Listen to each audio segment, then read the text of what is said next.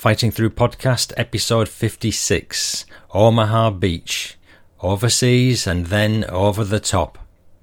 More great unpublished history. The planes were immediately identified as enemy, and all hell broke loose. Ack and machine gun tracers filled the air, putting on as brilliant a display of fireworks as I have ever seen. We could distinctly ascertain a direct hit on one of the bombers, and we could see it burst into flames and watch this flaming pyre twisting and spiralling earthward. We trained until we were especially proficient to work in small bands of squads and sections, to work independently from other units using our own initiative, hitting hard and striking fast. We were experts in the use of demolitions, small arms, and automatic weapons. In fact, we were all familiar with every known gun and explosive which is to be found in an infantry division, and we knew how, where, and when to use this equipment. Hello again, and another warm World War II welcome to you. I'm Paul Cheall, son of Second World War veteran Bill Cheall. The Fighting Through podcast features cracking first hand memoirs and memories of war veterans, and much more. I've been trying to get this episode out for the 6th of June, which is, of course, the 76th anniversary of D Day. Hopefully, I've been successful, and I'm giving you something great to listen to whilst you contemplate going back to work after the lockdown. You're possibly already at work and enjoying driving on significantly quieter roads for a delightful change. Whatever, hunker down if you can and enjoy. And oh boy, you're in for a treat. I've got a full memoir to start sharing with you today. It's all about Able Company of the American 2nd Rangers landing on Omaha Beach. I'm so chuffed to be sharing it with you because we've had so much on Gold Beach in the past and I've been dying to do something different. It's a real cracker of a memoir, and you just heard some extracts from it at the start. More on this to follow. Before that, I've got a smashing my relative contribution to share with you from Victor Weiser. But first, some feedback. I've had kind and sincere comments from Alan Duffin from the UK and a polite reminder that I keep mispronouncing the word lieutenant in relation to British officers.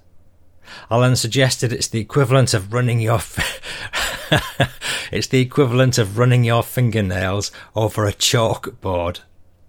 I'm pretty sure I've already done a hand hock on this topic in episode 50, so I was particularly frustrated to realise I'd got it wrong yet again when Alan wrote in just a few days later, but uh, obviously he'd not heard episode 50.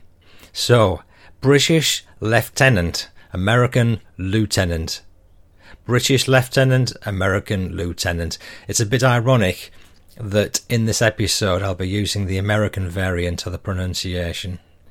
Anyway, at least I've been able to spell Mississippi since I was 10, and I do know how to pronounce nicht schießen, so it's not all bad. Talking about learning stuff, Eleanor Brooks wrote in, Hi Mr. Cheall, my Paul, please. My son Ben and I just wanted to reach out to give thanks because you've been such a massive help with his World War II project. We've been doing some remote learning together since his school closed due to the virus. We came across your website while researching and have been using it as a reference ever since. To pay it forward, my son wanted to suggest another page we came across that he thought would complement your resources. It's a great article on cars, tanks, and airplanes from World War II. Please take care and best wishes. Elena, Elena and Ben Brooks. Elena and Ben, thanks for writing in. Ben, you're a right little champion, and I've now posted your very helpful link on the research page of the Fighting Through book website. Ah, I bet a lot of people don't know I've got two websites. There's the fightingthrough.co.uk website and there's a Fighting Through fightingthroughpodcast.co.uk website. And uh, there's quite a lot of material on the book site that's not on the podcast site. So take a shufty sometime, but I'd recommend you use a desktop rather than a smartphone because the book website really needs updating and it doesn't come across that well um, on a smartphone. I've put links to all of this lot in the show notes. Emily Ways wrote in to express her thanks for the show and to buy Dad's book. Emily is from Warwickshire in the UK. She works for University Hospital Coventry in Warwickshire as a referral to treatment specialist, which means she's on the first line uh, in testing people for the virus if they come to hospital. And if you think you might have the virus yourself, don't hesitate to get a test, you big softy. It doesn't hurt. So, a massive shout out and thanks to Emily and all the fantastic staff at the University Hospital, Coventry, and Warwickshire for the important work they're doing at the moment fighting the war against COVID 19. Thanks for getting in touch, Emily. It was lovely to hear from you. And uh, I've donated the money from the book to the Sally Army. I hope that's okay.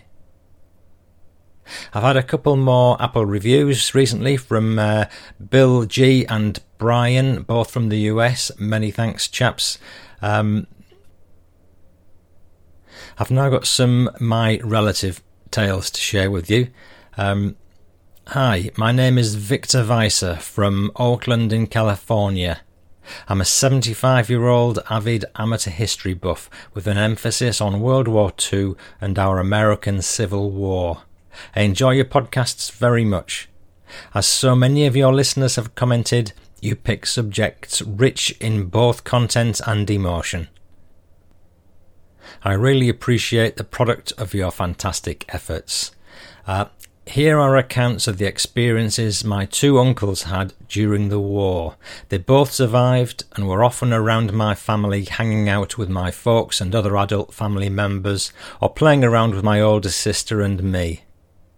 Their names were Nat and Lou, and they were about as different as apples and oranges. Lou was a big guy, quiet and reticent. Nat was shorter and wiry, quite outgoing and engaging. I attribute the differences in their personality, at least partially, due to their very different wartime experiences. They both went into the war in mid 1942, albeit to very different branches of the service. The first uncle I will cover is Lou. He went into the US Merchant Marine. He worked in the engine rooms of the vessels he served on and spent most of his time working on the boilers and steam apparatus that powered these lumbering vessels through the perilous seas. Lou almost never talked about his wartime experiences. He always left the room when conversations regarding the war broke out among the adults. I never knew why, because these stories always fascinated me. One birthday weekend when I was 12 years old, I was born on Christmas Eve in 1944, Lou brought me a marvellous gift. It was a shortwave radio receiver, but not one you could buy in a store. This was a very special and advanced Hallicrafters receiver made for the US Navy during the war. It was still as good as the best you could buy commercially during the 1950s, even though more a decade had passed since it was manufactured.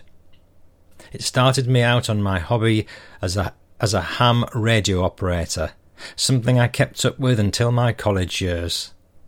Lou helped me set it up, fix up an antenna on our rooftop, and get started learning the fundamentals of using it.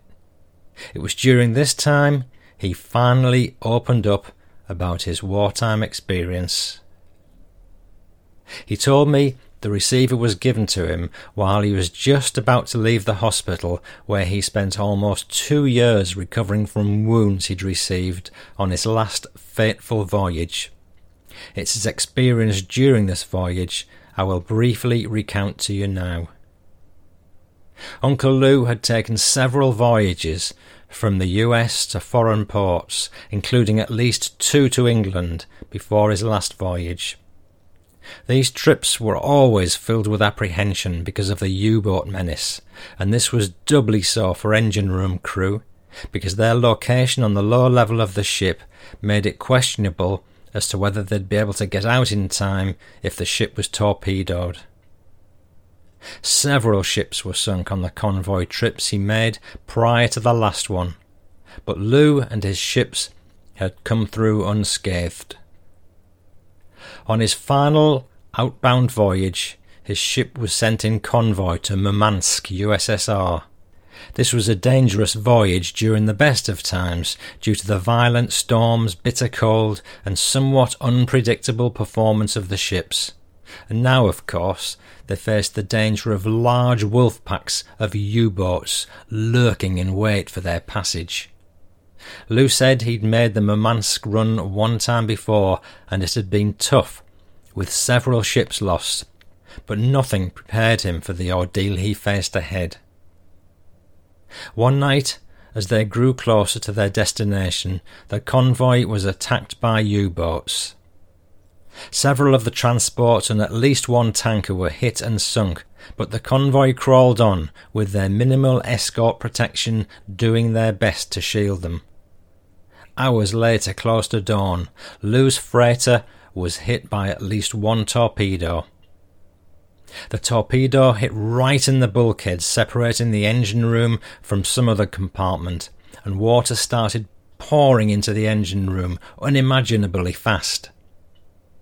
All Lou could remember, he said, was that he and his best friend were trying to climb up the ladder leading from the engine room to the next higher deck, but the water was coming up faster than they could climb. He had recurring nightmares of this the rest of his life. He said that when they got to the top deck, the sea was only a couple of feet below them as the ship was sinking fast, and it was an easy jump into the freezing water. He couldn't have been in the water very long, he said, because you couldn't survive more than a few minutes due to the cold. Not knowing how, he next found himself on the deck of another vessel, wrapped in blankets. He never saw his buddy again. Lou must have been suffering from shock and exposure because he couldn't recall much of anything else of the following day. But the next night, this new ship Lou was on was itself torpedoed and sunk. He has no recollection of how he got off that ship or how he was rescued. As a result of this second sinking, he'd suffered two broken legs and some serious back injuries. He stayed in the USSR for several months until well enough to venture on another voyage back to the USA, where he was sent to another hospital in which he stayed for more than a year recovering. It was upon his release, which was soon after the war in Europe had ended, that he received the Hallicrafters Receiver as a memento from the hospital staff to commemorate his recovery and his service. Quite a story, huh? To be sunk twice on the same trip and survive is amazing. All of this I learned from Lou in bits and pieces while we fooled around with the radio every time he would visit us, which was a couple of times a month. As I said, he was a very quiet man, and you had to be patient and let him take his time to open up. I doubt he told much, if any, of this to anyone else in the family. My Uncle Nat, on the other hand, was outgoing and exuberant. He talked about his wartime experiences freely, and I looked up to him as a real hero, an air warrior. Nat taught me how to drive, which I was grateful for, and also how to smoke, which I, which I later learned to be less grateful. His story is not as compelling as Lou's, but still may be of interest. Uncle Nat joined the U.S. Army Air Force. He was in pilot training school in Texas, learning how to fly bombers, but washed out of the training due to what he said was a dispute with the officer leading the training squadron, caused by Nat stealing the other officer's girlfriend. In any event, Nat went on to be both a bombardier and navigator on B 29s flying over Japan. He flew a large number of missions during the period when American air supremacy had severely reduced the effectiveness of Japan's fighter pilot squadrons. Flak was their major concern, Nat said. That and the trackless Pacific Ocean. It wasn't uncommon for planes to simply disappear while flying to and from their targets, never to be seen again. When I would ask Nat if he was scared during these missions, he said that he was always scared silly, but always performed his job so he wouldn't let his crewmates down. He said the only time after the war that he was similarly frightened was when he was a cop in New York City sent in to protect firemen fighting fires in Harlem during the riots which took place there, I think in 1967. He said at least when he was flying over Japan, he knew who was shooting at him and from where they were shooting, and that wasn't the case during the riots. Nat gave me some very precious, to me, artifacts of his war when I was a very young boy. These were in his emergency kit, which was given to aircrew members before every flight. It included some absolutely exquisitely coloured silk maps about three by four inches, showing the sea and land over which they'd travel in great detail. They were made of silk to survive getting wet. I pinned these up on my childhood bedroom walls. They were truly beautiful. Also included were emergency rations, which looked and tasted like dog biscuits, and a few small cans of emergency food, which I never opened. It also had some Japanese money, which was very exotic looking to me. Then there was this little cardboard box of dye which you were supposed to toss into the water and let spread out so planes passing overhead would see it and come rescue you. Ha! The kit included a 25 foot length of rough cord with a giant fish hook and, and some cardboard cut out fish, which I think was supposed to be able to attract fish when tossed into the ocean. I sure wouldn't have wanted to rely on that for getting food. But best of all was the shark repellent in a wax sealed box officially labelled shark repellent, but with handwritten lettering saying something like, Immediately dump this without opening. This stuff attracts sharks. I, I thought this was hysterically funny. When I came home from college the first time for our family Thanksgiving dinner Nove- on November the 1st, I found that my beloved mother had tossed all these treasures and turned my bedroom into her sewing room. She'd also disposed of my two cigar cases of wonderful World War II airplane and warship collecting cards. Boy, was I miffed. Oh, that's awful. So, those are my uncle's stories. I've got one more concerning my own dad, who was an air raid warden, and that's on the funny side. My family lived in the Bronx, the northernmost borough of the five which comprise New York City. When America entered World War II following the attack on Pearl Harbor, my dad went to a recruiting depot the following week to enlist in the US Navy. He was rejected by the Navy because as a child he had a mild case of polio. Although to my child eyes he seemed to have suffered no ill effects, I did notice as I became a young adult that when he was tired he did have a slight limp in his walk. So, having been unable to enlist in the US Navy, he tried to enlist in the US Army, and they also rejected him, as did the US Coast Guard. So he began to do what he could in other ways to aid the war effort. One of my dad's proudest possessions was a certificate he was given because he donated an amazing amount of blood throughout the war. He had it framed and kept it on a table in my parents' bedroom. I don't remember how many pints of blood he'd donated, but it must have been substantial to earn that certificate. And sadly, it disappeared after he died. But this story is about his experience as an air raid warden during their first preparedness drill. It was not his crowning achievement, but nonetheless earned a beloved place in our family lore. After being rejected by the various branches of the armed services, my dad volunteered to become an air raid warden for the Civil Defence of New York City.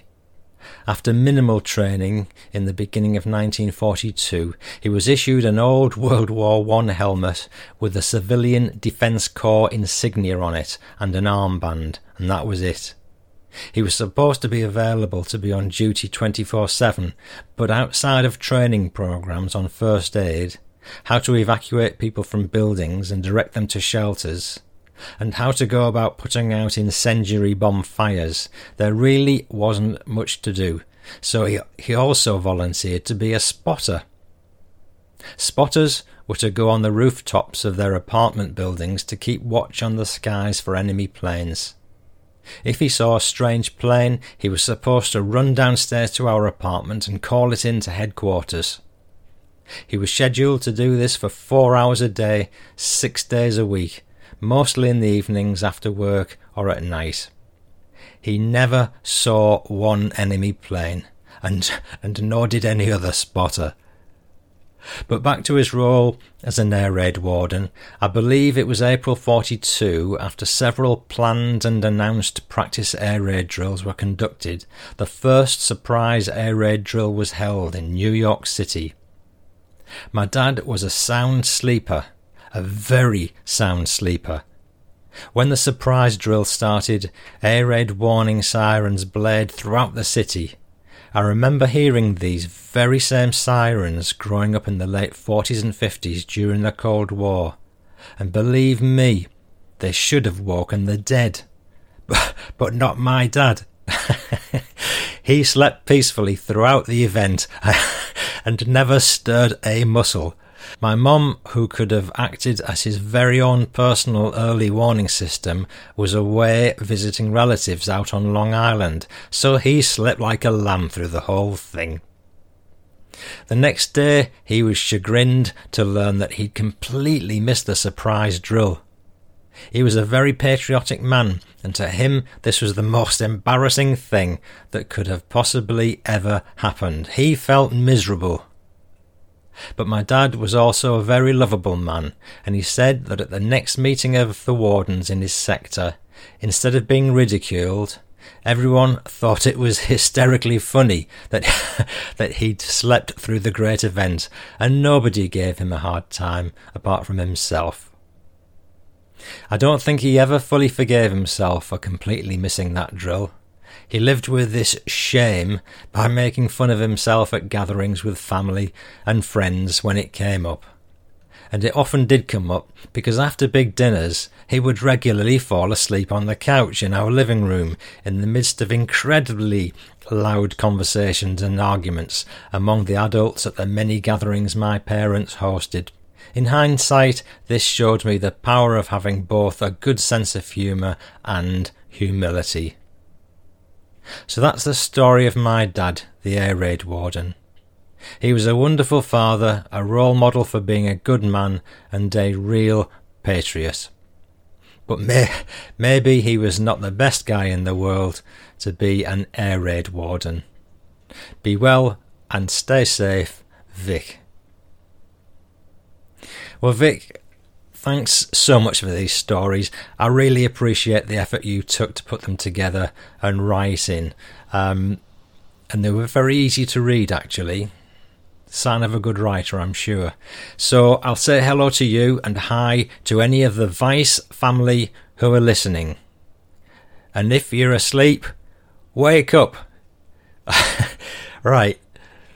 Next item on the agenda is support for the show.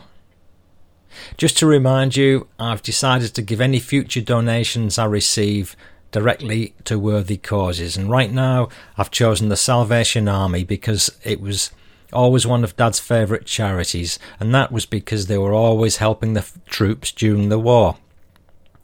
And today they continue to help those who need food, safe shelter, and much more. And many thanks to Patrick Fennessy, Becky Begg, and Neil Brown for their recent donations to my Sally Army appeal.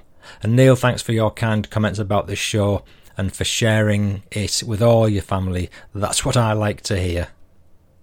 Listener, if you'd like to donate to the show, there are links on the Fighting Through podcast homepage, and I'm forwarding all donations to the Salvation Army. Thanks to the diligence and thoughtfulness of listener Chris Hughes from Coventry, we're about to be blessed with yet another amazing memoir. Chris dug it up from a digital archives website and sent me the link to the American Command and General Staff College Library. There's a link in the show notes. This is the story of the 2nd Rangers Able Company of the US Army during the Second World War. It's quite a long memoir, so uh, it's going to take me a while to get through it. As I record it, I haven't had time to read it before, so we're kind of reading it together for the first time, and I'm really excited to see what comes out of it. Um, I'll be choosing a suitable break point, and when I put the episode out, I won't be any wiser than you as to what comes next. Ooh. Uh, I actually have no idea right now how many episodes this memoir is going to take up, but I'll try to keep them rattling off at great frequency until it's done. So there you go, Omaha Beach to the Battle of the Bulge and beyond in multiple episodes. A privileged, private, front row pew at the unveiling of some more humbling, great, unpublished history with the Fighting Through podcast.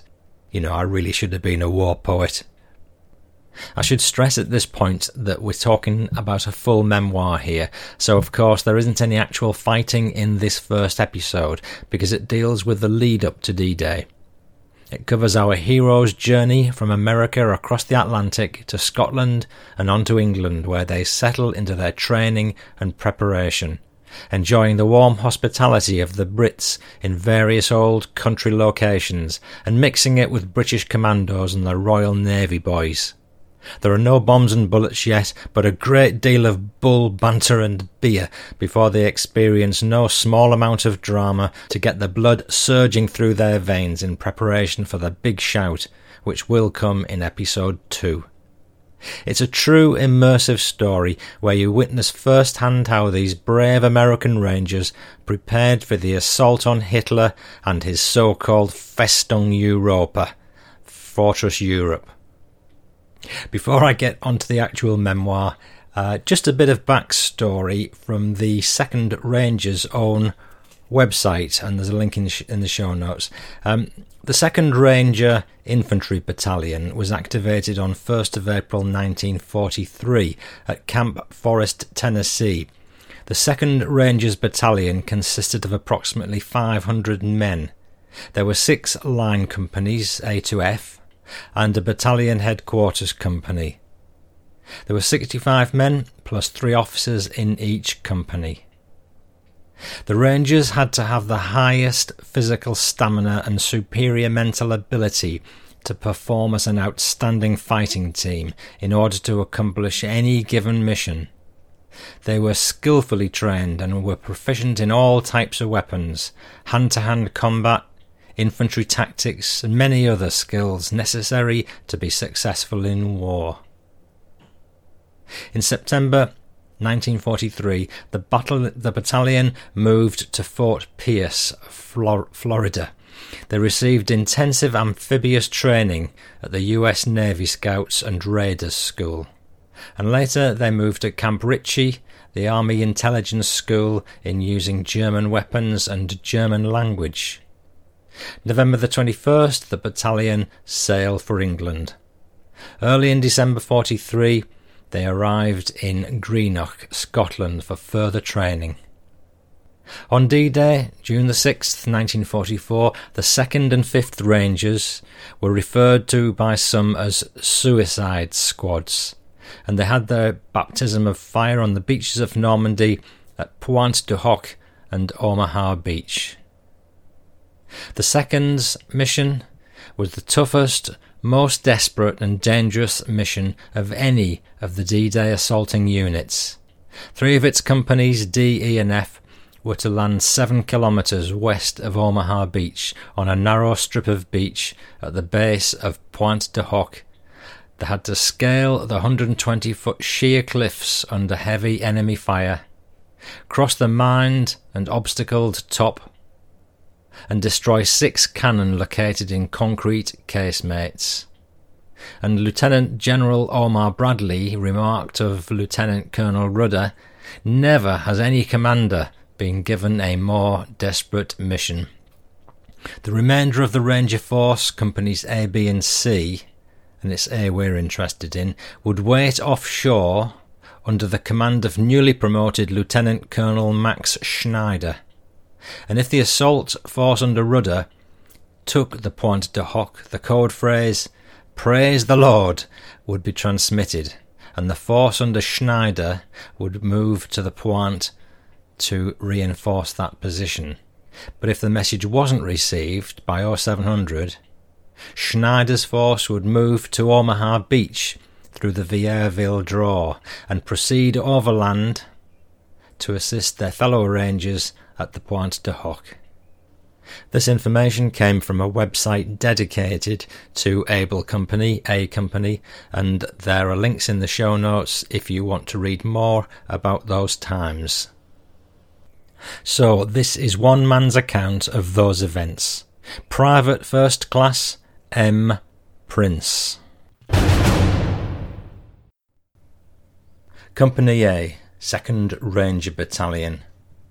Overseas and then. Over the top.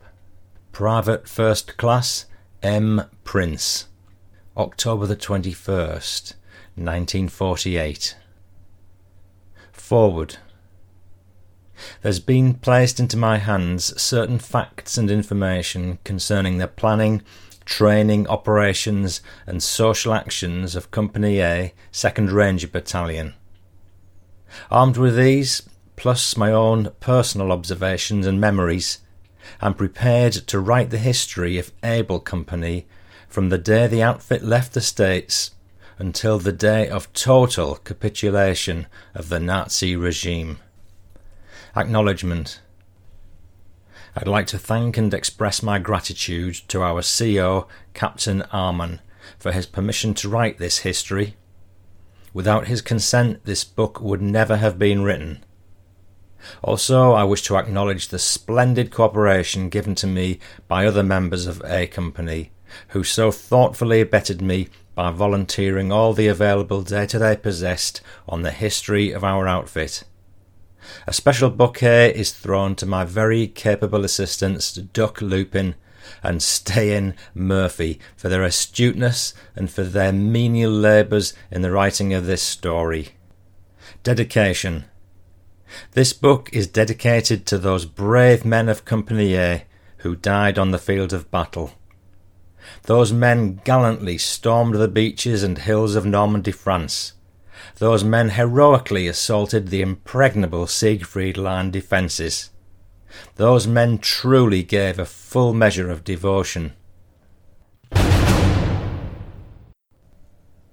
Book 1 England Chapter 1 The Boat Ride November the 21st, 1943 was no different than any other day. But yet, in the lives and fortunes of sixty five men and three officers, this day was different, and did have a meaning to these soldiers. Perhaps there was no difference to be noticed in the attitude of their doings. I believe a similar scene would have presented itself if these men were embarking on or preparing for some field manoeuvre somewhere in the States, instead of the hazardous and dangerous journey across the ocean they were preparing for a boat ride which was destined to take these men through seven foreign countries to bring them greater fame and glory. A trip which was to bring death and destruction to the enemy while bringing about misfortune to some of these brave rangers. Word had come down to us that we were to embark on our ship that day, and that we were leaving our homeland to visit new and distant lands. We'd been working, training, and planning for that ever coming day of reckoning with the enemy, so that now we were ready to depart. We were confident in our abilities, and we were most anxious to go forth to prove ourselves.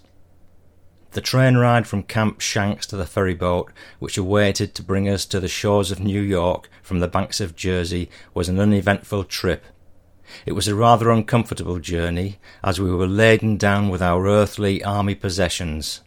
We'd carried full field packs, while the remainder of our equipment, which lay in duffel bags, had been thrown into a special baggage car.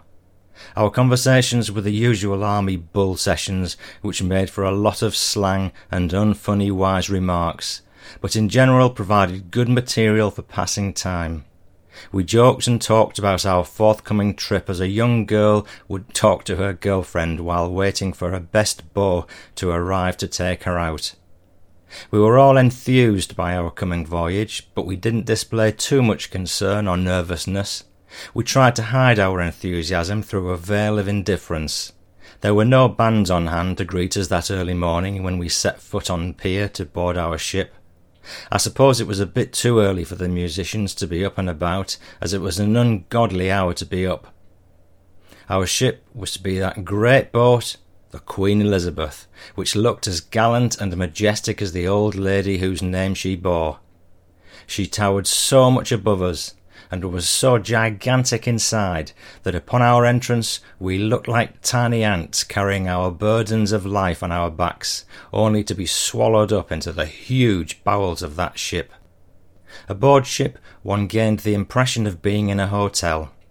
Our surroundings were so immense and the boat so stable that one could hardly realize that he was on a movable object. The huge mess rooms and neat staterooms, plus the immaculately clean lounge and deck rooms, gave one the feeling that this boat was more suited for royalty than for the 15,000 troops that filled up every cubic inch of space on the ship. Our first day aboard, we didn't pull out due to loading till the third day, was one of exploration and orientation. The boat was so large it was an easy place in which to get lost. The more we became acquainted with the ship, the more we marvelled at its structure and greatness. Everything was of such stature that it was hard to believe that this huge monster could cross the ocean and so rapidly. The giant engines and turbines which ran the ship were always a spectacle to gaze at. The huge steam pumps, the giant boilers, and other equipment that were contained in this room were always interesting to behold. There was a special recreation room where you could smoke, write letters, sing, and pass away the tiresome moments while on ship. Laughter, song, and rattle of dice against the floorboards could always be heard coming from this room. The thick, hazy smoke that arose from the pipes, cigars, and cigarettes gave this place the appearance of some honky tonk back home. The boat, being of English origin, was composed of a limey crew, these soldiers were most capable and they knew their jobs well. They'd made more crossings over this ocean and this ship than I have for years. Then, also, there were some American personnel aboard who were in charge of the anti aircraft protection for the ship. These men were excellent soldiers, and many an interested hour was spent watching them, going through their paces in gun drill. It wasn't till the third day that our boat weighed anchor and prepared to sail. The engines started to tune up their songs of life, and away we went. We could experience that feeling of something new and adventurous about to happen, but what this emotion was, we could never ascertain.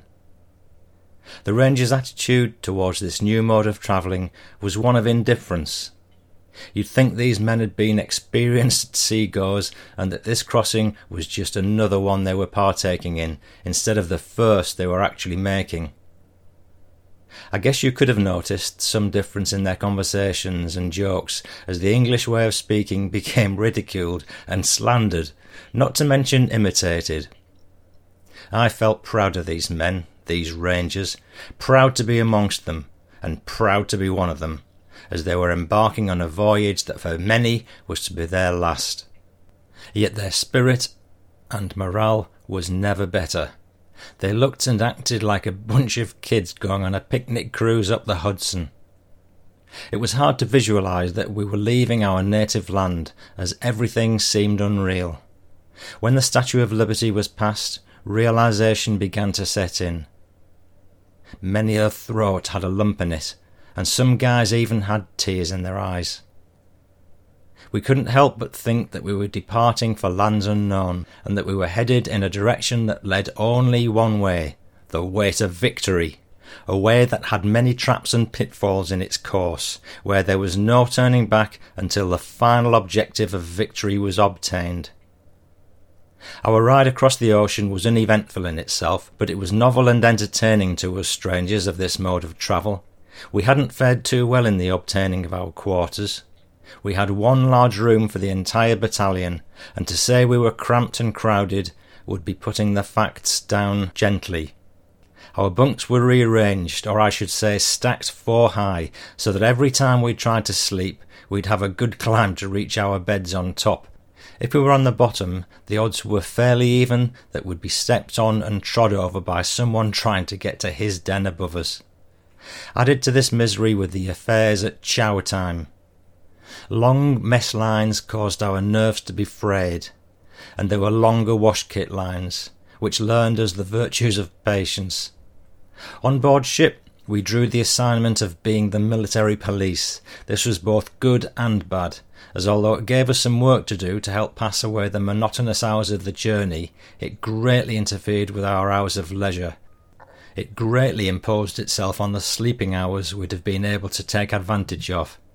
It was ironic, I thought, to draw this job, after all the affairs and run ins we'd had with the MPs during our infant days at Camp Forrest and Fort Dix. Now it was our turn to learn the headaches that this fine branch of service has to undergo. We did our tasks to the best of our ability, giving directions, taking care of the exits and stairways during boat drill, making sure that the blackouts were on the windows during the hours of darkness, and making sure that no trouble or friction occurred on deck. For the length of the trip, which was five days and nights, we worked on this job. These days flew by as swiftly as the waves themselves. We always managed to do something to occupy ourselves during the ride. We were most fortunate that we were hardly affected by that harsh malady of seasickness. I guess our extensive training in cooperation with our naval and amphibious forces at Fort Pierce, Florida, had stood us in good stead. We did have some sickness, but from another cause. This was the dreaded malady of pneumonia. We were continually subjected to a draught in our quarters, so that when one man caught a cold, it was easily spread around, and several boys developed the stern illness of pneumonia. These men were well taken care of by the ship's trained medical staff and were given the best of care and attention. They were immediately transferred and rushed to a hospital when we hit land. Our ship docked in the great naval harbour of Greenock, Scotland, on December the 1st. Our ride had been a routine one, although at one time during our journey we were supposed to have been under the surveillance of a submarine. I personally never saw any signs of this menace. Our ship constantly took so many different twists and turns in its voyage that I never knew if we were being chased, or this was the usual method used in avoiding enemy craft. We'd travelled unescorted as our ship was supposed to have been speedy enough to outrun any German vessel. The large guns which were on deck stood always ready and handy just in case there was a need to use them.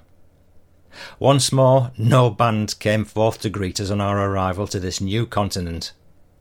All we had was the view of the hustling and bustling of the dockhands and other operators, who were occupied in seeing that everything that had been carried onto the boat would be unloaded and put into its proper place.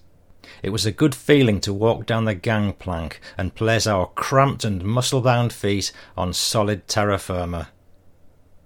We marched down to a large warehouse which was a couple of squares away.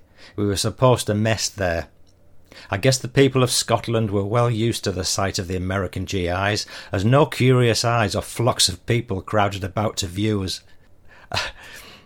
a couple of kids did run up to us, and in a shy manner and thick Scottish accent made the famous and well known inquiry, Any gum, chum? Some were fortunate in receiving the article requested, while the others had to continue their request of gum in other parts of the column. We entered the warehouse, unloaded, and prepared ourselves for our first feed on foreign soil. The meal was substantial and good. We ate our chow, washed our plates, and returned to our places to light up and relax. We could look back even then and dream of the happy days we'd spent in the States. Those days were all behind us now, gone for the time being. So we gazed ahead and imagined ourselves already on the return trip. We'd travelled 3,000 miles across a span of water that separated the evil land of Germany from the blessed land of America, and we were prepared to travel that many more miles if need be to convert that evilness into goodness, and believe me, we did. That night we stayed in that warehouse in Scotland. When morning broke, we prepared to go forth to a new destination, somewhere in merry old England. We, we'd come through our sea voyage in good shape. We'd won our sea legs, and now we were ready to regain our land legs. What the future held in store for us then was a mystery. But I'm positive there wasn't a one of us who lacked the confidence or the courage of solving it.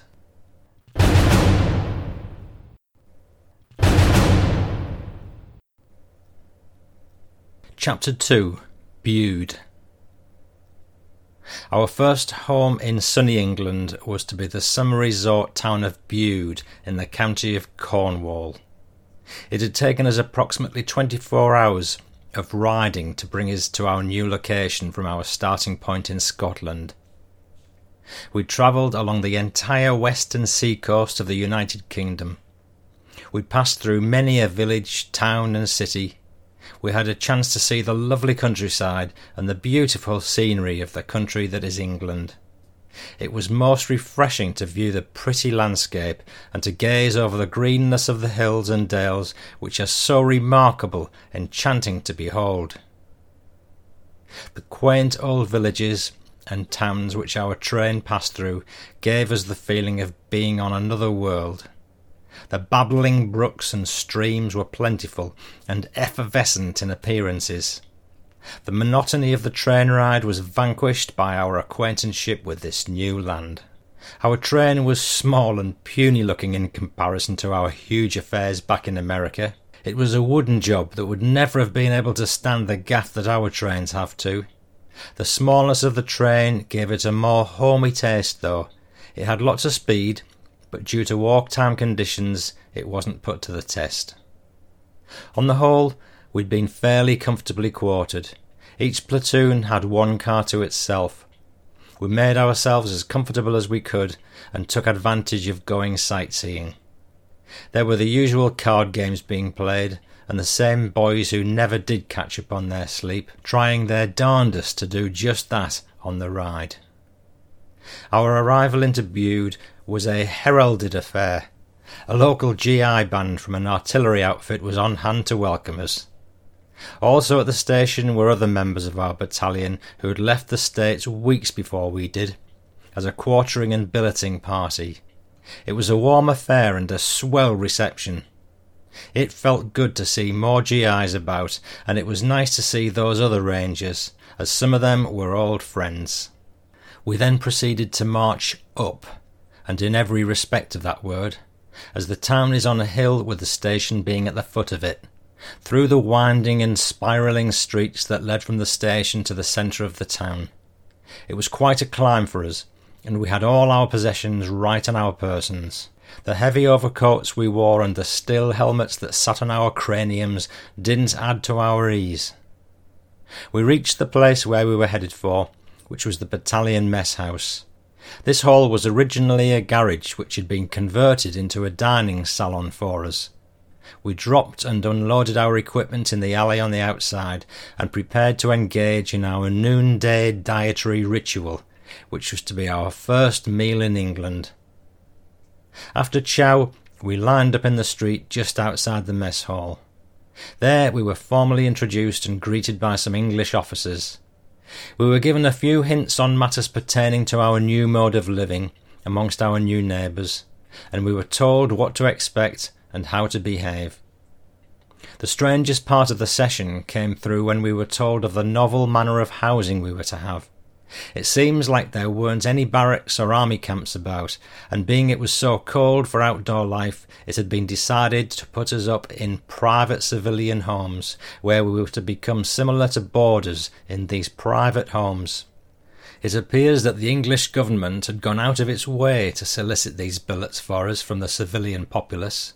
The people had been requested to give up a room or two, or as much space as they could spare, and they'd complied. When that day came to its end, we found ourselves billeted in civilian homes, living the life of Riley.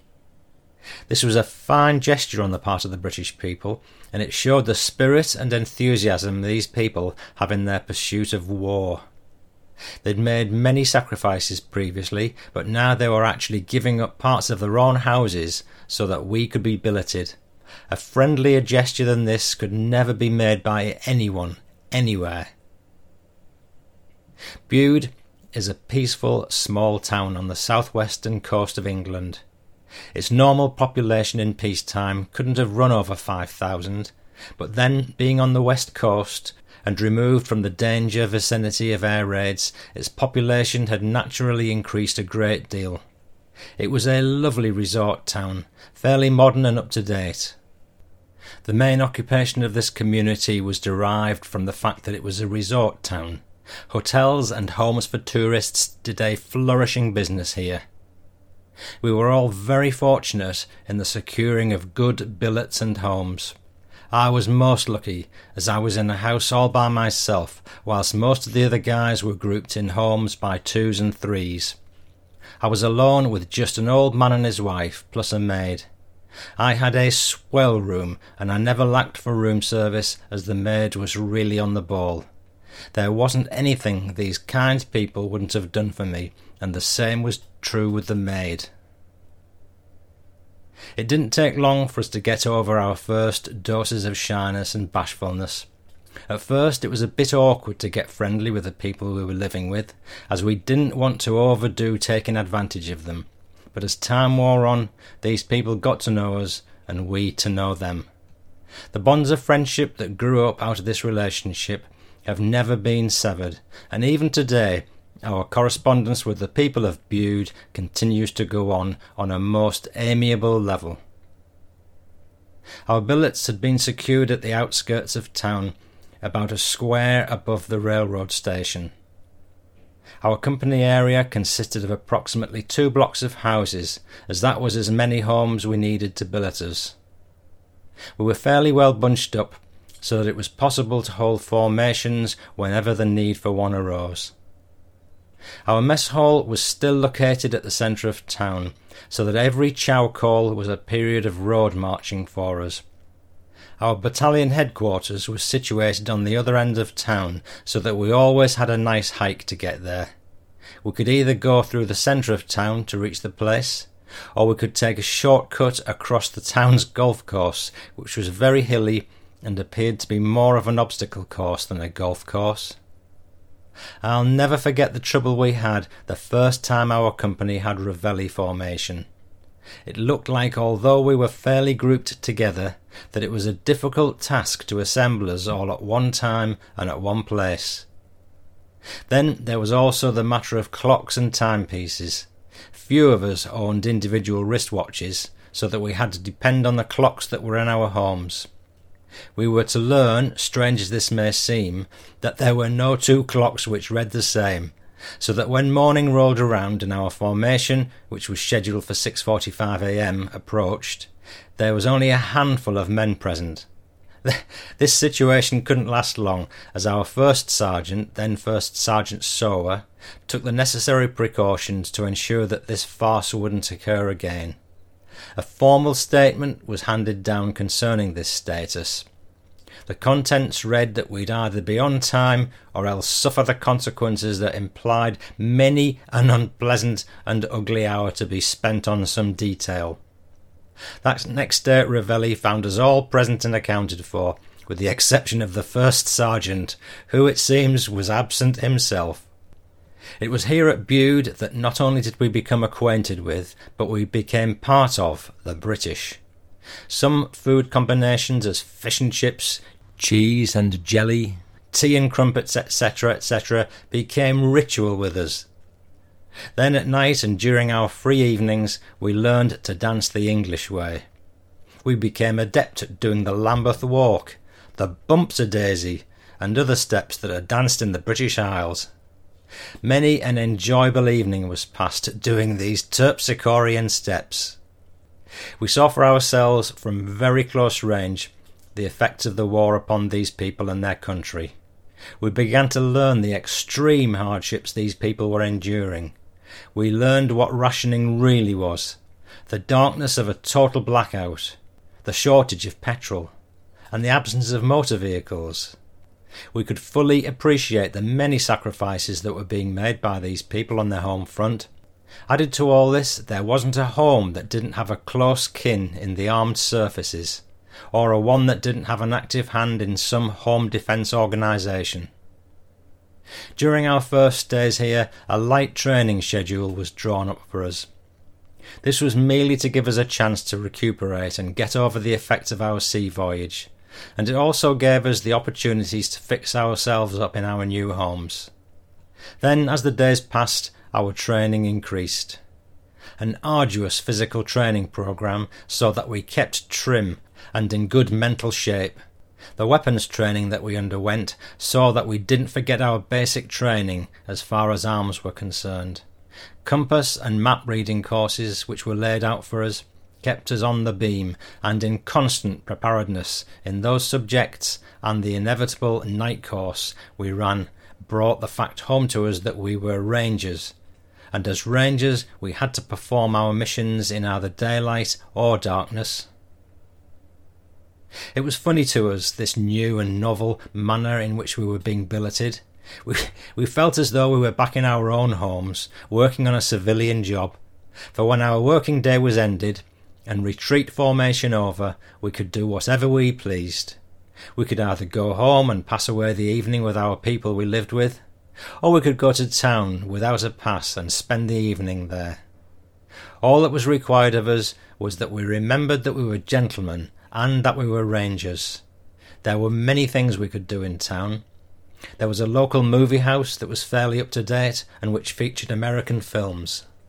The cafes and pubs always welcomed our entries into their establishments, and the fish and chip shops were a good place to always satisfy our appetites. Then there were dances held quite often in the large dance hall that stood at the rear of the movie hall.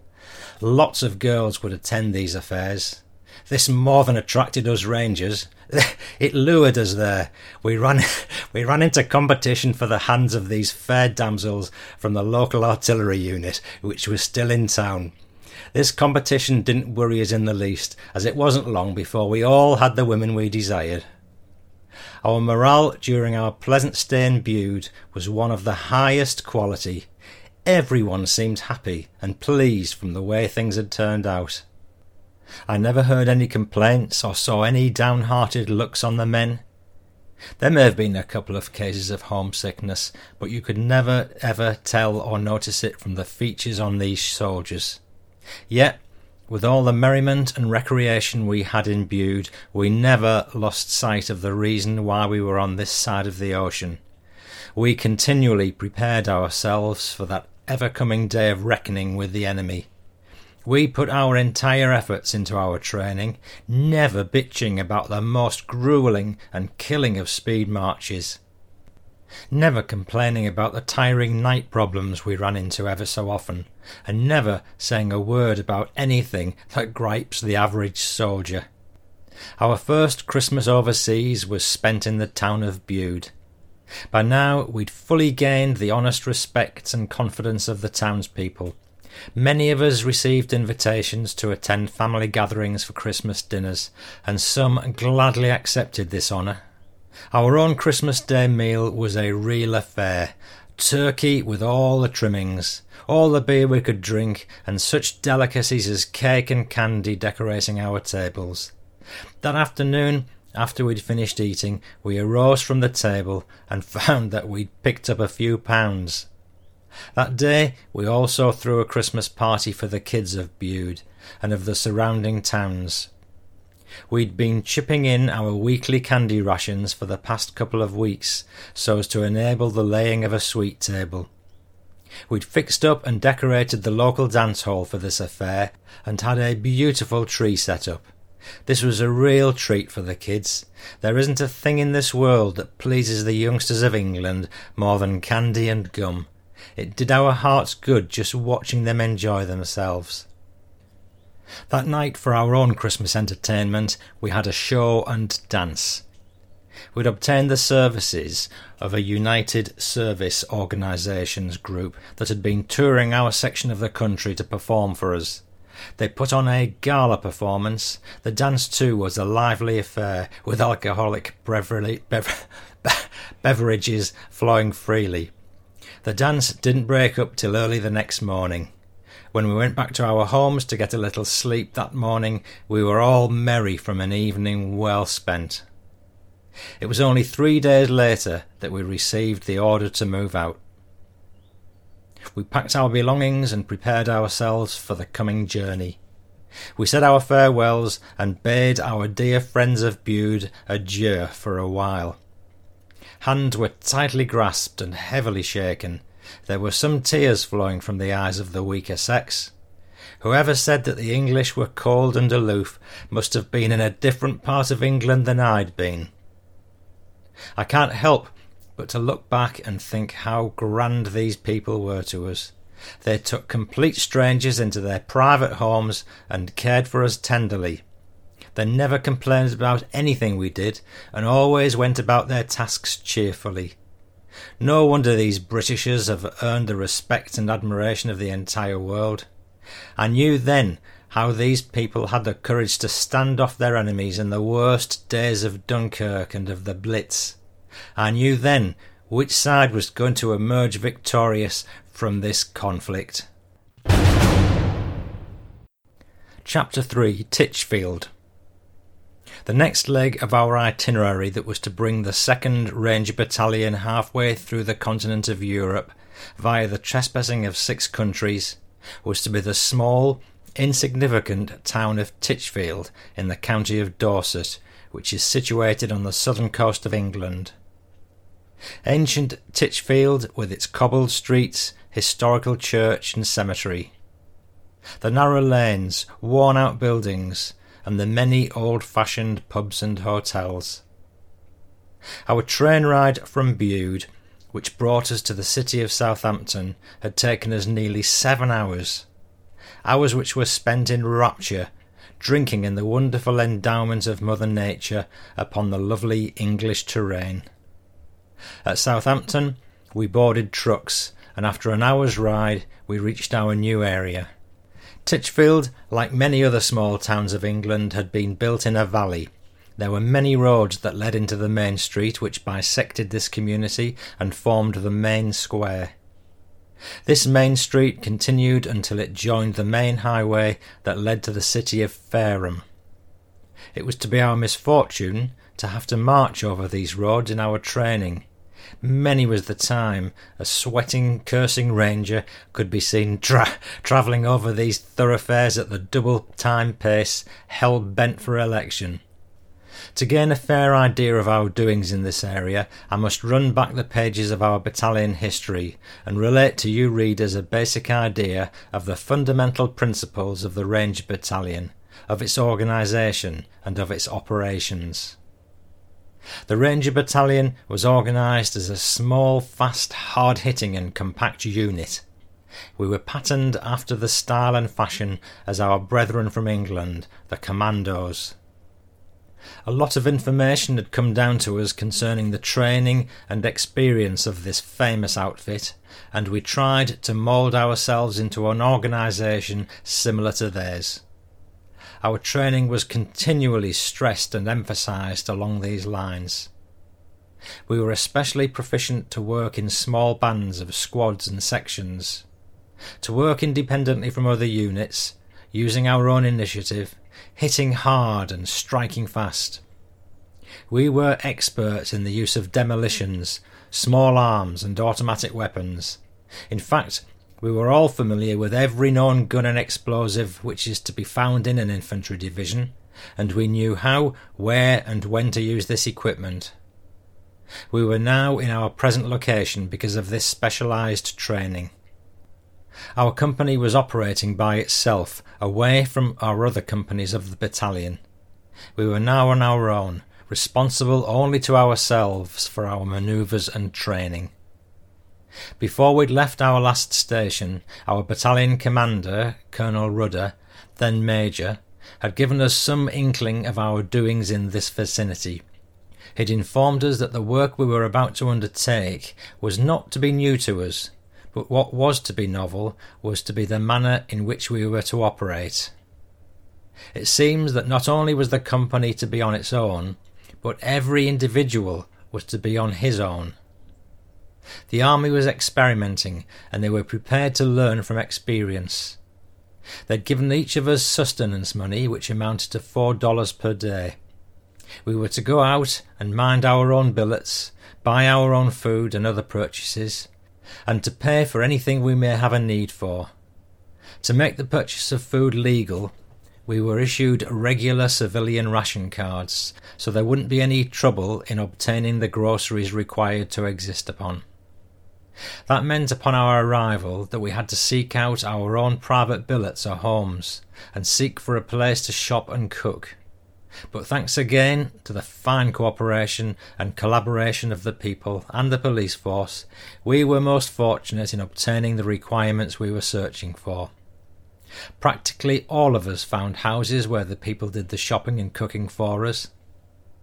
The mercenary end of this deal was very profitable to us, as many of the good civilians of Titchfield refused monetary payment for the use of their houses and labours. When we did have to pay for our room and board, we found it didn't amount to one half of what the army was paying us, so we pocketed the extra money and, and went about the various pubs and celebrated.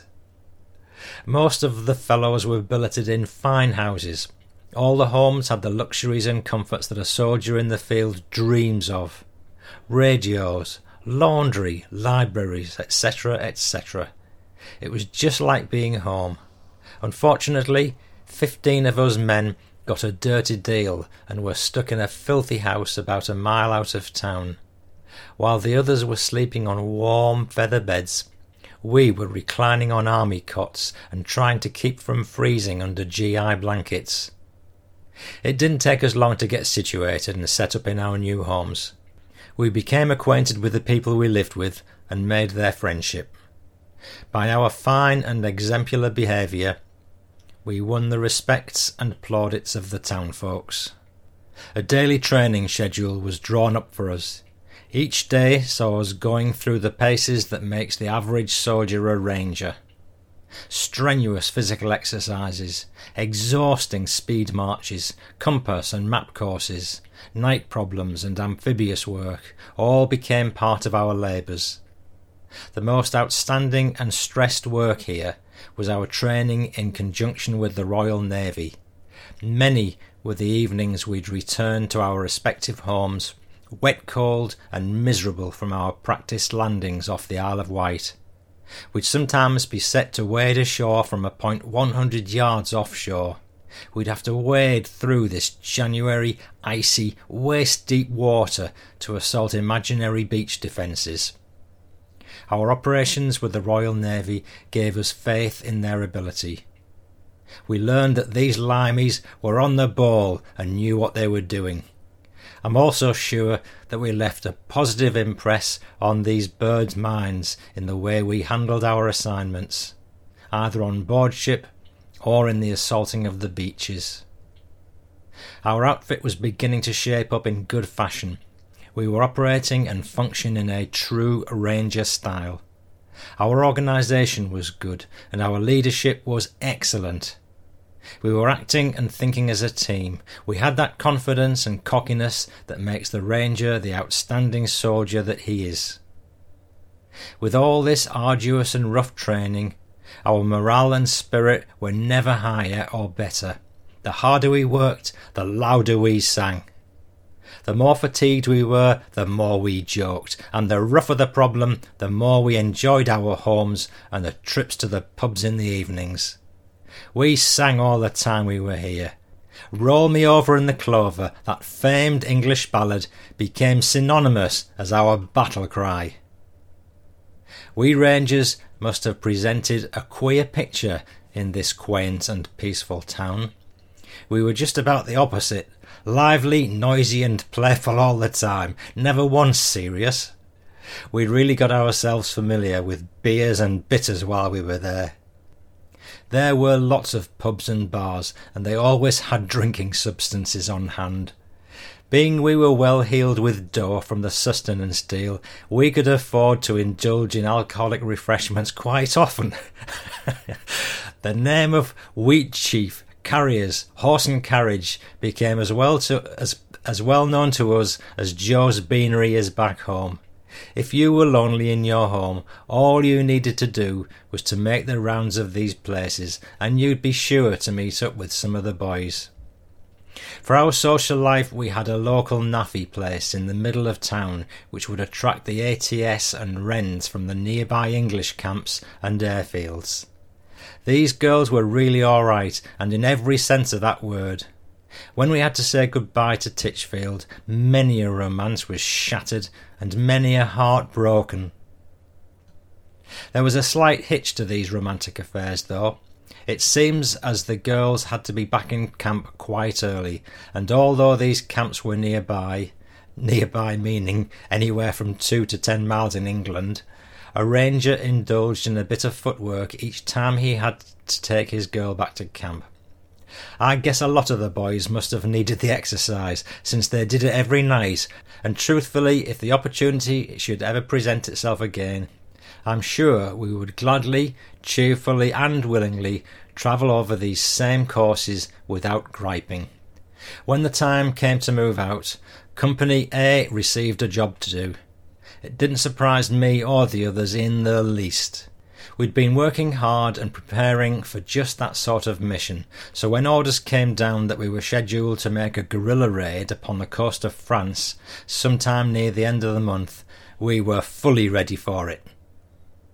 So when the day of January the 10th rolled round, it saw 64 men and three officers prepared to go forth once more.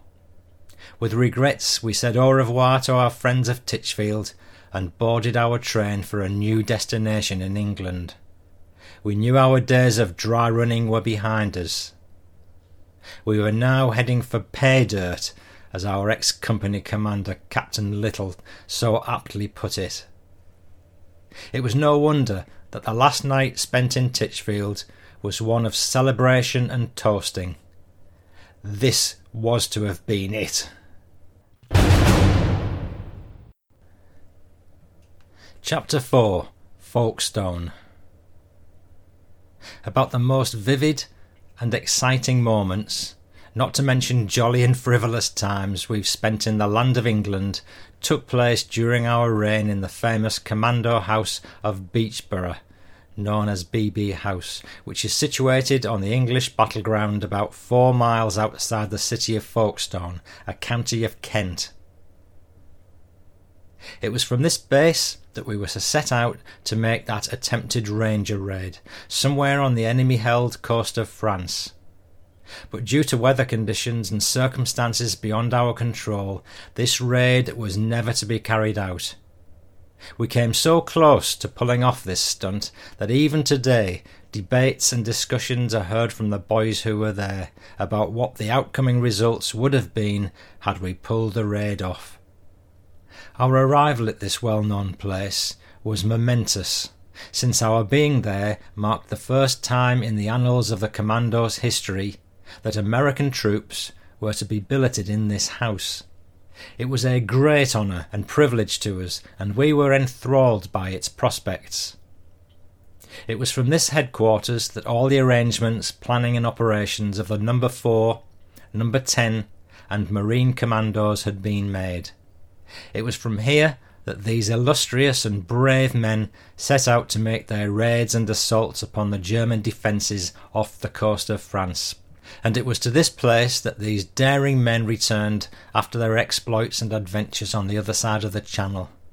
It's no wonder that we look upon our residence here with the greatest of pride. It isn't anyone that can call this place of such noble heritage home, even for the short period of time we had the delight of staying there. Our company's strength upon our arrival was sixty four enlisted men and three officers. Our company commander wasn't with us as he'd gone to some school in London. So our first platoon leader, then First Lieutenant Joe Rafferty, was in charge of the outfit. In addition to our own company, we had the added personnel of the kitchen, one section of headquarters communications, and a few men from our battalion supply. We didn't waste any time stripping for action. We were here on business purposes only, and we meant to get down to brass tacks as immediately as was possible. We really put in some real licks in our training. We were very fortunate that we had the capable assistance and instruction from some of the commando officers themselves in our work. We learned a great deal from these artists who were skilled in the art of silent death. Strict attention was applied every time these men held classes, and we tried to absorb all we could from them, since we knew that what these men told us didn't come from any field manual, but from actual experiences. It was only natural that during our stay here that we'd become acquainted and friendly with the commando personnel who still remained on the grounds. These men, for the most part, were, were non operational troops which were due to certain misfortunes obtained during their fighting days. These fellows were great sports and as swell a bunch of soldiers as I've ever met. They were as typically British as the grounds themselves. They were shy, modest, and quiet. A bit cool at first, but when we broke them down, they were most friendly and warm. Although, although the bull was thrown around quite a bit, especially after a few bitters had been downed at the local NAAFI, they were most modest in their storytelling. It was like pulling teeth to get anything from these soldiers. They, they who had participated in many an action against the enemy. I learned that these fellows were by no means braggarts or show offs, although they'd done enough to spout off about. Folkestone, being a large city, had many facilities and centres for amusement and entertainment. There were several movie houses, many eating places, cabarets, nightclubs, a few dance halls, and innumerable pubs. Many was the night we visited this city and enjoyed ourselves to the utmost. We were about the only American GIs in this area. Since Folkestone is only a stone's throw away from the enemy across the channel, this city wasn't exactly a healthy or suitable place for soldiers to be stationed at. This had its advantages and also its setbacks. On the good side, was the fact that we had the run of the city. Being there were a great many pretty girls about, we, we had the pleasure of sharing their leisure time without competition from other GIs. There was also lots to drink, and being the rich Americans, we were able to participate in alcoholic orgies ever so often. On the bad side of the ledger was the fact that we were so near the enemy. We were nightly subjected to air raids, this wasn't too bad, as the Luftwaffe generally passed over Folkestone to head for the inland cities such as London, Birmingham, etc. What was dangerous and hazardous to us was when there was Allied shipping in the Channel. Every time a friendly convoy would attempt to run the gauntlet along the coast, there was bound to be enemy long range shelling and rocket firing. This shelling was very inaccurate, Many shells, instead of hitting the ships in the convoy, landed on the shores and in the city proper. Many a scar and an empty lot stood in defiance to prove the ineffectiveness of this fire. Also, there were too many graves and hospitalized persons to show what a menace to the civilian population this shelling was. The day rolled around that put an end to our training. Now our work was to be operational. Our mission had come down to the company, and we were to be briefed and oriented. Our task or our mission was quite a simple one. All we had to do was land somewhere on the coast of France and pick up one prisoner. That was all. The raid was to be essentially reconnaissance, but we were to be prepared to fight if it was necessary to complete our job of bringing back the prisoner. Now that we knew what we were to do, all we needed was the planning and training to put this deal on ice. Our S2 gathered up all the available data concerning the enemy situation, and we were thoroughly briefed on this subject. Most of our information was derived from the latest aerial photos, which were obtained for us daily by the Air Corps. We had special ground maps prepared for us, which were very skillfully made up, so we had a fair picture of the terrain and of the enemy's defences in the sector we were to attack. As our mission was of an amphibious nature, a great deal of coordination and timing had to be effected between the Royal Navy, which was to bring us to the coast of France, and ourselves. We did this by drawing up the time schedules and setting up a system of signalling which coordinated our efforts. It was upon these factors that we based our battle plans. Our plan of operations, as worked out by the staff, was a rather simple one. We took certain things for granted, and if these things weren't what we supposed them to be, we sort of had an alternative plan. The master plan ran along this line. The company was to split up into four groups, with each one having a definite mission. The first group was to be the one that actually nabbed the prisoner. Whenever they got one, our job was to be completed, and no matter what the other three groups were doing, they were to stop and to return to a pre-arranged assembly area. The second group was to act as protection for the first one. They were supposed to be the ones to do the actual fighting if it were necessary, while the other group went after the prisoner. The third group was also to be a bodyguard for the first group. They were supposed to protect the flanks of the other groups by taking up a defensive position. The last section had the task of defending the beach landing to keep the escape route open and to make certain that enemy infiltrations didn't endanger the rear of the other groups. They were also responsible for signalling and other bits of information we were to bring with us concerning the enemy beach defences and also of the ocean tides. There was also included in this master plan our coordination and timing with the Royal Navy. We had to be well versed in knowing about the administrative details, such as what we were to do in case we incurred casualties, and what we should do if perchance one of us were cut off and couldn't effect an escape. These and a million and one other minor details were taken care of in our planning. The job was to be run off in the following manner. We were to have two LCAs, landing craft assault, to carry the company. The boat carrying groups 1 and 2 was to be the first to touch down on the field, with one man carrying a mine detector and another man equipped with a roll of white tape in the lead.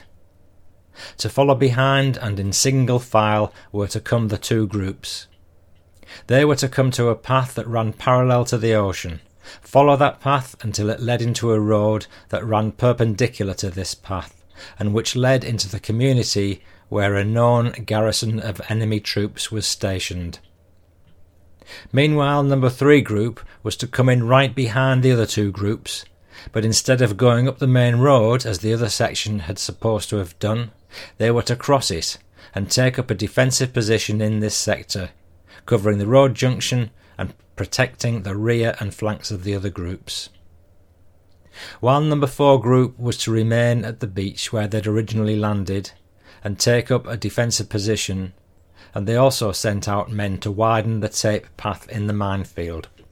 This was to so as to facilitate matters in case there was a need for a hasty retreat.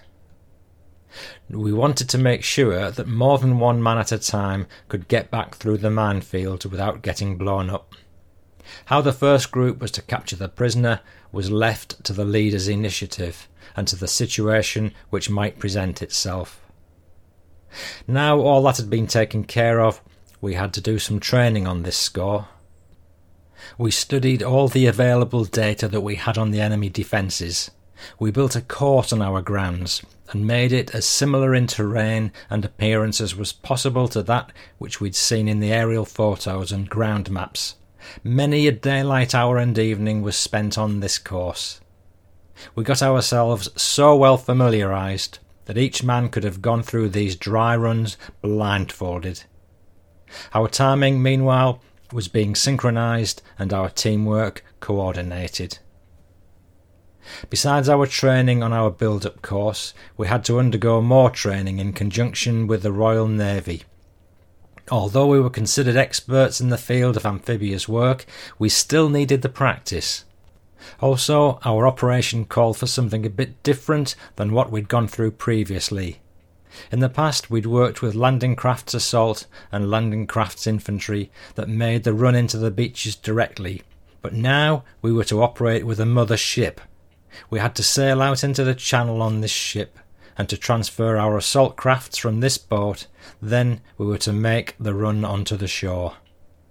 That transferring at sea business was the part that was a bit different to us. Added to this training, we got special instructions from the commandos in enemy mines and booby traps. We learned their nomenclature and we were taught how to neutralize them. We were shown how to make them safe under various combat conditions, and we were versed in the art of avoiding wires and booby traps. Very ticklish and nerve wracking studies. Our raid was to be pulled off at night, so we underwent night firing problems, night compass courses, and other night exercises. We became proficient at this kind of work. We all realised and knew that this was it. We wanted to make sure that we'd put on a good show, so we toiled hard and long putting our best into our dry runs. All the while our morale and spirits were never better, I never saw such a happy and carefree bunch of guys in all my days. More playful and babyish than a hatful of kittens. About the place we had lots of small firing devices which were used to set off charges. They were harmless gadgets, but when set off made a loud bang. Well, to make a long story short, you couldn't touch a thing or take an unwary step as these doodads were planted all over the place. Many a grey hair was added to our heads because of the pranking of some of the boys. We underwent a couple of dry runs off the coast of Dover with our mother ship and LCAs. We functioned smoothly and performed our jobs without mishaps. It was an experience to be operating in these waters, as this part of the channel was an integral part of no man's land.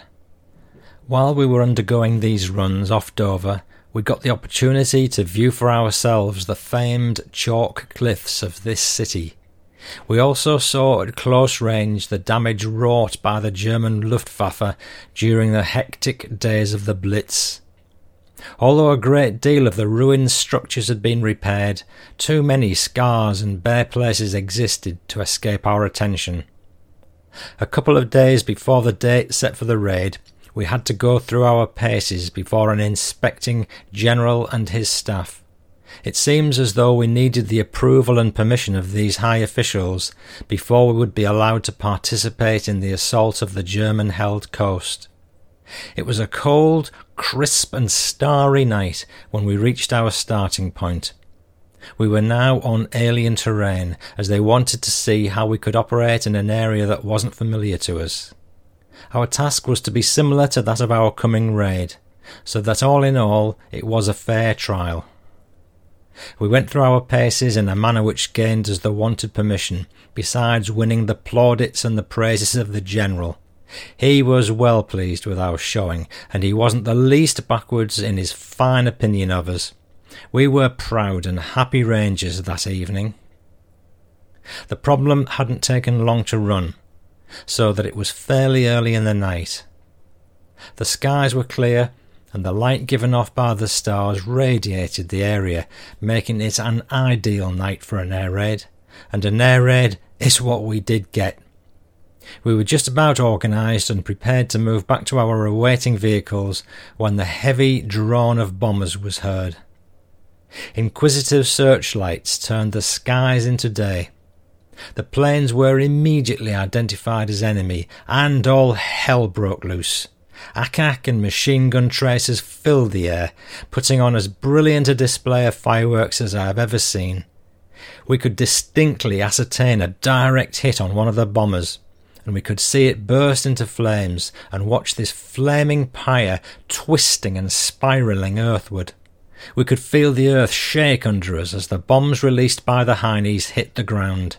The large flashes which arose told us that incendiaries were being used. Being we were in the midst of an open field, we felt fairly safe and immune from the danger of being bombed, as no enemy objective or target was anywhere nearby. We casually watched the ensuing battle as interested spectators at some sporting event. Another huge flash, plus more flames, told the story of another plane lost to the Heinies. The searchlight continued to form weird patterns as they crisscrossed and searched the skies. Ack-Ack and machine gun fire were increasing in crescendo. Falling pieces of shrapnel made us seek cover. More incendiary bombs were dropped, and we could see the bonfires arising from this sort of bombing. This was an unforgettable experience for us. Although we'd undergone air raid warnings before and had gazed at the Luftwaffe as it passed over our heads, this was our first taste of actual aerial warfare. The scope of the battlefield was immense, as at one time the flak and tracer fire would seem to be at our front. Then this would cease, and all the firing could be seen in the sky to our rear then to our left, and then to our right. No matter how or where we turned, the battle seemed to be raging. The best part of this show came when the beams of two crisscrossing searchlights caught an enemy plane in its midst. We could so plainly see the Heine plane doing its fantastic dance of death. The pilot was using all his ability and manoeuvring to escape from this trap, but this was unsuccessful. The work on the part of the batteries operating the giant rays were brilliant. They never once lost track of the Jerry. With all its diving, climbing, rolling, and twisting, this looked so unreal, like being at home at a vaudeville show watching the star actor go through his paces as the spotlight accents his every movement. I felt the same thrill as I did when viewing that actor. We were all waiting to see the flashes of the Ack-Ack and ground machine guns fire blast this plane from the sky. But we were to be rudely shaken from our trances, as from out of the dark skies above the light beams came the clear traces and flashes of machine gun fire from the wings of an English night fighter, which shattered the large bomber into nothingness. Before the plane fell to earth, we could see the enemy crew bailing out in the far distance. The heavy rumbling sound and the quaking of the earth about us gave evidence that the pilot had ridden the plane of its bombs, which had fallen into an empty field in our near vicinity. The paratroopers were falling away from our positions, so there was nothing we could do about them. I am certain that other persons took good care of them. The entire air raid hadn't taken long, and it ended as quickly as it had begun. We boarded our respective trucks and returned to BB House, where we turned in to get a good night's sleep, which we'd all well earned for ourselves. The next day's account of the air raid said that of an approximately 50 planes, 16 had been lost to the enemy, with no losses to us. Damage had been light due to the ineffectiveness of the bombing, and due a great deal to the skills of the men operating the air defences of England. They really had given a good exhibition and had gotten a good toll for their work. It's no wonder that England managed to beat the Luftwaffe in the great German aerial offensive of 1940. Before the scheduled day of the raid, our captain returned to us. It was good seeing him back. It gave us added faith and confidence. He took over the company and found himself a role in the raid with no actual change being made in the original plan. The day of the raid finally rolled around. A heavily clouded sky forewarned us of nasty and stormy weather conditions. We were all prepared and ready, our morale and spirits were excellent, and there wasn't the least sign of nervousness to be seen. We were all confident and had all the faith in the world in ourselves and in our leaders. We were set to show the world that the American Rangers didn't believe in the Nazi myth of supermen, and we were ready to prove that fact. The skies still hung heavy when we prepared to board our vehicles, which were to take us to Dover. A last minute cancellation put an abrupt stop to that, so we stayed in and sweated it out till the next day. Reports of turbulent conditions in the Channel the following morning put conclusive crimp in our operations in that body of water for the rest of the month. This marked a fini to our hopes of ever making the raid. It was sort of a letdown to us, as we'd planned and put our everything into the making of this assault. We'd set our hearts and minds on making this attack, and now it was all over, ended, and in no way our fault. Oh well, maybe it was for the better. We hadn't lost anything by our labours. In fact, we'd gained.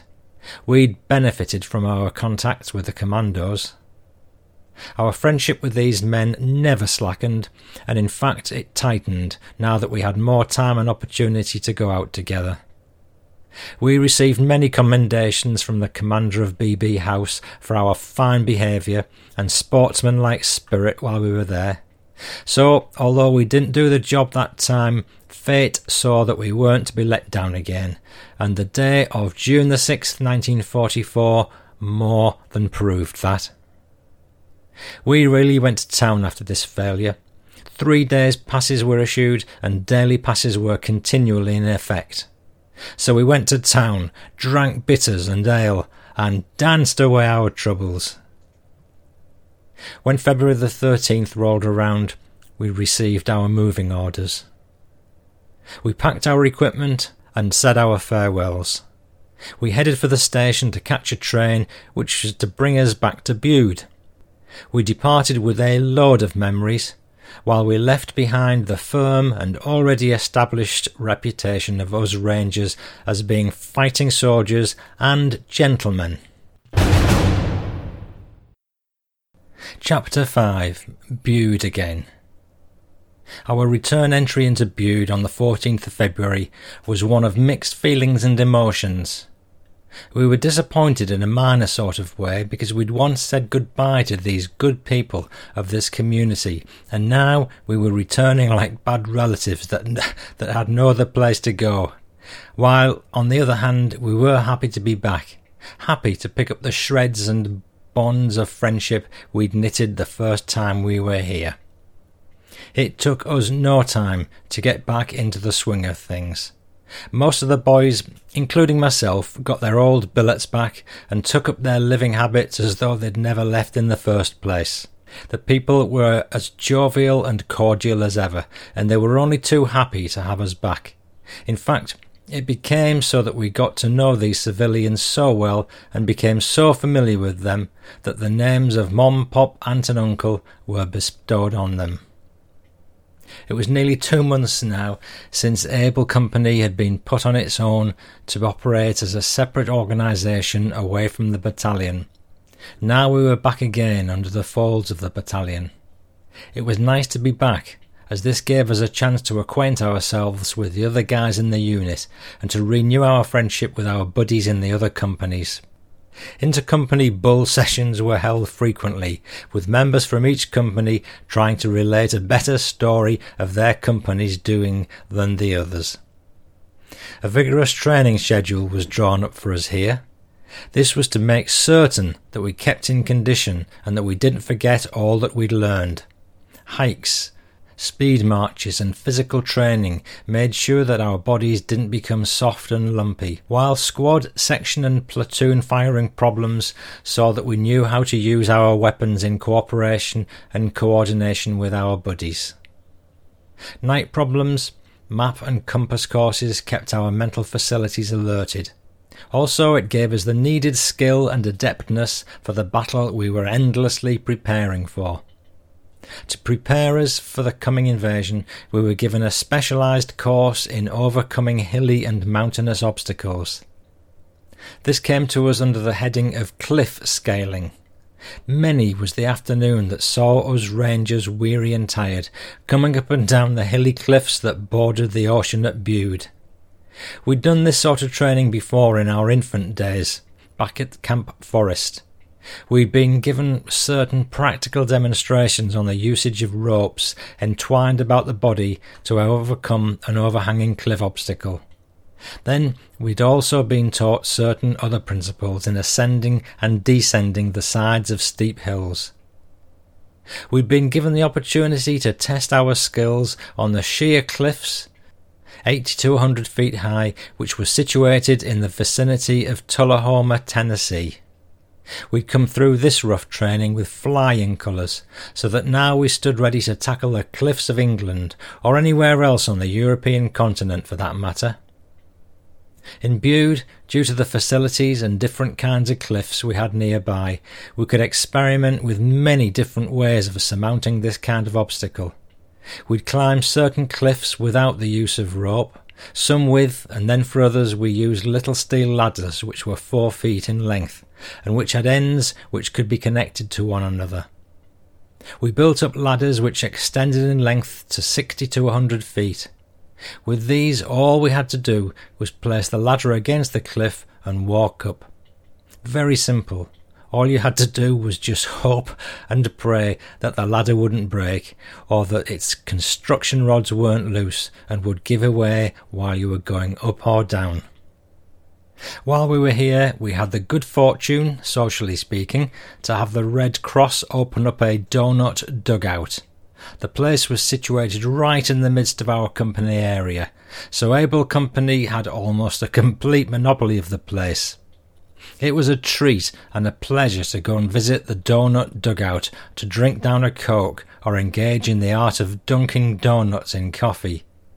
Besides, there were other facilities handy such as writing tables, reading material, checkerboards, a large ping pong table, a good radio with phonograph attached, and many other things that can be found in such places. Then also the pretty hostesses that took care of the dugout were an added attraction that lured the rangers into coming. Our battalion underwent a reorganisation while at Bude. A few men and some officers were released and transferred to other outfits. It appears that although these men had put out to the best of their ability, it didn't quite meet the rigid standards and moral requirements of the Rangers. In exchange, new men and new life were added to the battalion. Our company was fairly well affected by this move, as we lost a couple of men and an officer, but in return we got Lieutenant Edlin and several other swell soldiers, who some are still fortunate to be well and around even today. It was during our stay here that our battalion issued our five day passes. We could go wherever we wished to go as long as we didn't become AWOL doing so. The boys took advantage of this break and took off, the passes were issued so that an entire company would be on leave at one time. Some went travelling over the land of England, and some even went as far as Scotland. Many were attracted by the glamour of London, so they went there. Others, including myself, went to look up buddies of ours who happened to be stationed elsewhere in the British Isles. There were a few men who never even left Bude, there were few content to just leave around, relax and catch up with their sleep, and do a bit of sightseeing in the immediate vicinity, which was full of historic views. We came back from our leave with new vigour and added energy. We tackled our training schedule with fresh life, and we clambered up and down the cliffs like a handful of monkeys. The Ranger Battalion celebrated its first anniversary while we were at Bude on April the 1st, 1944. A party was thrown for us to commemorate this occasion. It was a grand affair and a huge success as each company put on command performances on certain subjects and persons which have or have been the butt of innumerable jokes ever since the battalion's activation. This was all done in a sportsmanlike manner, and in the spirit of good humour. Everything and every one was ridiculed and satired, from our battalion commander down to the lowly mess sergeant. No officers escaped a dirty dig, and no sergeant got away unpunned about. It was lots of fun, and everyone had a swell time. Even our colonel, who was the butt of many a witty remark, gave out with mighty guffaws every time he was slandered. A swell sport and leader was our battalion commander, Lieutenant Colonel Rudder. After these skits came a few speeches from various officers of the staff and the companies. Nothing new or great was said, but all that was spoken came from the bottom of these men's hearts. It's no wonder we hold our officers in such high esteem. It was here that our Company A Captain Little gave birth to the name of the Ranger as a character. I plainly remember his famous words distinctly.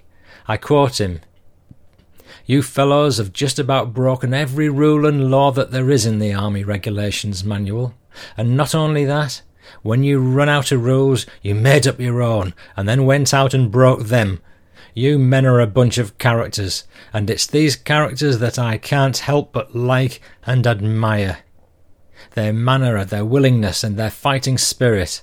That's why I'm so proud to be amongst you, and to be one of you. From then on, the Rangers became characters with no two individuals the same. What a fine bunch of soldiers these characters were. I can't help myself when I think of their loyalty, courage, and gumption. I get a large lump in my throat every time I recall these good old days and remember the names of those men. Then I look about and see new and different features, and realise that those brave rangers who participated in the merriment of that evening are no longer with us, many gone forever, left behind to stay eternally on foreign soil, with only a cross to mark their places, and to remind the world of the heroism and sacrifices of these characters. It was just two days later that we were packed and prepared to move. We bade our dear friends of Bude farewell, and then took off for our new location. We were off to learn new skills, to make more friends, and to work hard so as to prepare us for that ever coming day of accounting with our foe across the channel. And there, dear listener, we must leave it. I'm going to uh, end the episode with a few extracts from the next episode where the story continues, but the danger distinctly increases. It was here that we learned the most modern of techniques and plans of conducting warfare against a stable enemy's defensive position. It was here that we furthered our acquaintances with such up to date firing devices and weapons as the bazooka, flamethrower, Bangalore torpedoes, beehive charges, and rifle grenades, and more. Our landing craft, one assault boat for each platoon plus the extra headquarters company personnel, were gently lowered to the waters below. Our boats bobbled about like a tiny cork caught in a riptide. The channel on this side was much rougher and choppier than the English side, and the incoming spray dampened and soaked us through and through. The night was terribly cold, and the water colder, so that besides being uncomfortable, we were miserable to boot. Dawn was beginning to break. We were as yet drifting about. So far, we hadn't been fired on by the enemy, and neither had our naval guns opened up. Individual heroism was being displayed on all parts of the battlefield. Medics were doing yeoman's service. Wounded men were dragging wounded men to safety. Brave men went gallantly to their graves, storming impregnable positions. Everyone was doing his share and more. I could easily write a volume on individual accounts of bravery. I'm only sorry that I haven't the time and space to do that here. I would like, though, to recount one story of heroism which should set an example. Not that more was done, but it is such a story of human sacrifice that I would like to relate it. And there we have it. So that's a preview of material you will hear in the next episode. Off my word. Just a couple of points uh, to close on. Does anybody know what happened to Private First Class M. Prince? That's M for Michael. Um, does anybody know? Has anybody got a photograph of him? Do get in touch about this or indeed anything via the contact tab on the Fighting Through podcast.co.uk website. And for those who wondered if I really do know how to spell Mississippi from earlier on, it's M I S S I S I P I. There you go. I'm Paul Cheall saying bye bye now.